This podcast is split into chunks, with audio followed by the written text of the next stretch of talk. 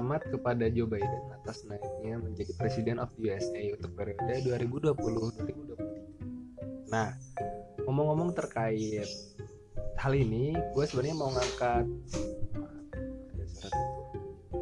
gue mau ngangkat topik terkait dua hal, yaitu ngomongin terkait bagaimana sih mekanisme atau cara kerja dari sistem pemilihan di Amerika yang kedua lebih ke dampaknya naiknya Joe Biden menurut prediksi beberapa analis terhadap Indonesia.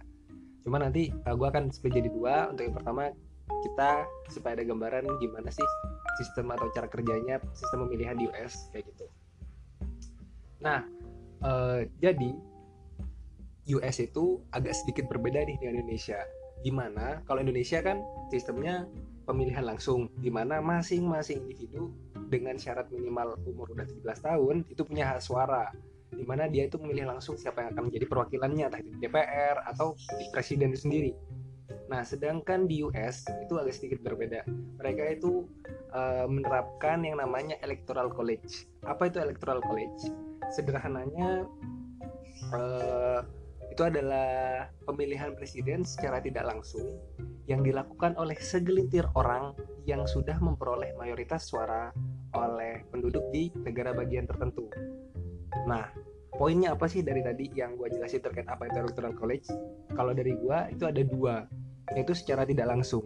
Jadi eh, penduduk atau masing-masing individu di US itu eh, tidak bisa milih langsung eh, presidennya siapa, tapi dia itu mempercayakan perwakilan yang mereka pilih itu untuk memilih presidennya kemudian dilakukan ya nah dan yang kedua adalah dilakukan segelintir orang. Jadi itu bukan misalnya US ada 200 sekian juta orang penduduknya nah itu yang memilih presiden US ini nggak sebanyak itu tapi 538 orang atau dalam tanda kutip di sini adalah elektor yang mewakili 51 negara bagian. Gitu ya itu adalah gambaran terkait electoral college.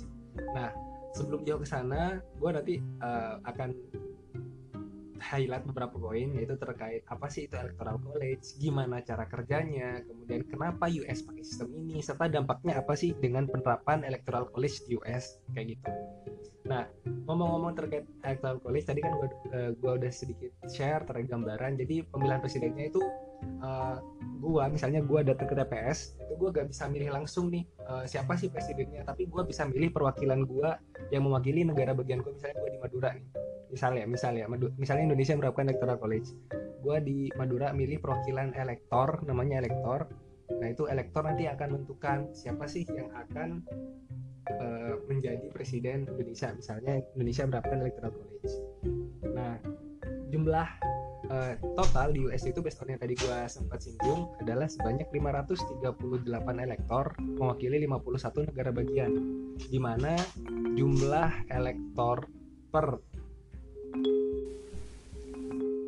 negara bagian itu ditentukan oleh luasnya negara bagian tersebut sama uh, jumlah populasi kayak gitu. Di mana uh, total itu yang tadi ada 538 elektor ini yang dipilih dari 200 sekian juta itu. Nah itu nanti yang akan punya suara nih untuk menjadi presiden uh, eh, US di periode selanjutnya kayak gitu. Nah thresholdnya berapa? Thresholdnya itu ada 270 electoral votes. Jadi di mana uh, sebuah uh, calon kandidat atau kandidat presiden yang sudah uh, mencapai minimal 270 electoral votes itu sudah bisa dikatakan sebagai presiden 270 ini kalau dari pemahaman gua itu dari 538 jumlah total elektoral per satu jadi kan otomatis dia udah menang 50% per satu. Jadi 269 kan kalau separuh dari electoral votes plus satu jadi total 270 itu merupakan threshold ketika sebuah calon kandidat eh, sebuah kandidat calon presiden itu udah melewati threshold itu dia menang kayak gitu. Walaupun dia bukan pemenang mayoritas suara kayak gitu. Nah kayak gitu. Jadi gambarannya kayak gitu. Kemudian yang kedua tadi setelah uh, cara kerjanya yang poin pertama adalah bahwa ini dipilih oleh segelintir orang atau segelintir perwakilan yang dipercaya oleh masyarakat yang kedua adalah hampir semua negara bagian itu menerapkan winner take all apa itu winner take all jadi misalnya nih uh, ada sebuah negara uh, bagian dengan kuota elektoralnya itu 55 elektor. Contohnya California. California itu kuota elektornya 55 orang. Nah, kan mereka US itu ada dua partai sekarang besar. Ada yang Republikan, ada yang Demokrat. Partai Republik ada Demokrat. Misalnya nih, kan itu kalau misalnya adalah 28 elektor terpilih dari California itu berasal dari Republik dan 27 itu dari Demokrat kan kalau dijumlah 55 tuh. Nah, jadi otomatis 55 suara itu menjadi Republik karena Republik menang meskipun cuma beda satu orang ya. Jadi 28 Republik, 27 Demokrat itu di merge jadi semua Republik. Jadi 55 elektor langsung nyumbang ke uh, presiden yang dicalonkan oleh Partai Republik kayak gitu. Hal ini berlaku untuk sebagian besar negara bagian atau 49 negara bagian kecuali negara bagian Maine dan Nebraska di mana dua negara bagian ini menerapkan sistem distrik kongresial. Ini gue juga baru baca banget bahwa apa sih distrik, distrik kongresial ini penerapannya? Jadi uh, kan uh, minim, satu negara bagian itu minimal punya tiga electoral vote, uh, kan kayak gitu. Nah, jadi minimal uh, dari sini tuh tiga orang ini dia itu adalah minimal adalah berdasarkan pilihan terbanyak mayoritas penduduk di Maine atau Nebraska dua orang sisanya itu mayoritas suara di negara bagian tersebut. Jadi ini nggak nggak menerapkan winner take all. Jadi selamanya uh, meskipun mm, Nebraska misalnya Nebraska nih dia ada tiga orang. Nah satu orang di sini dia misalnya ada satu orang Republik uh, menang dengan suara mayoritas, kemudian dua orang Demokrat. Kalau uh, Nebraska juga ikut menerapkan winner take all, itu otomatis suaranya auto masuk ke yang dua tadi, yang Demokrat. Jadi tiga langsung ke Demokrat, tapi enggak karena tadi si Republik ini mayoritas suara terbanyaknya dari Demokrat uh, dari Republik ya udah jadi satu Republik dua Demokrat itu perwakilan suara dari Nebraska atau Maine yang menerapkan sistem distrik kongresial gitu.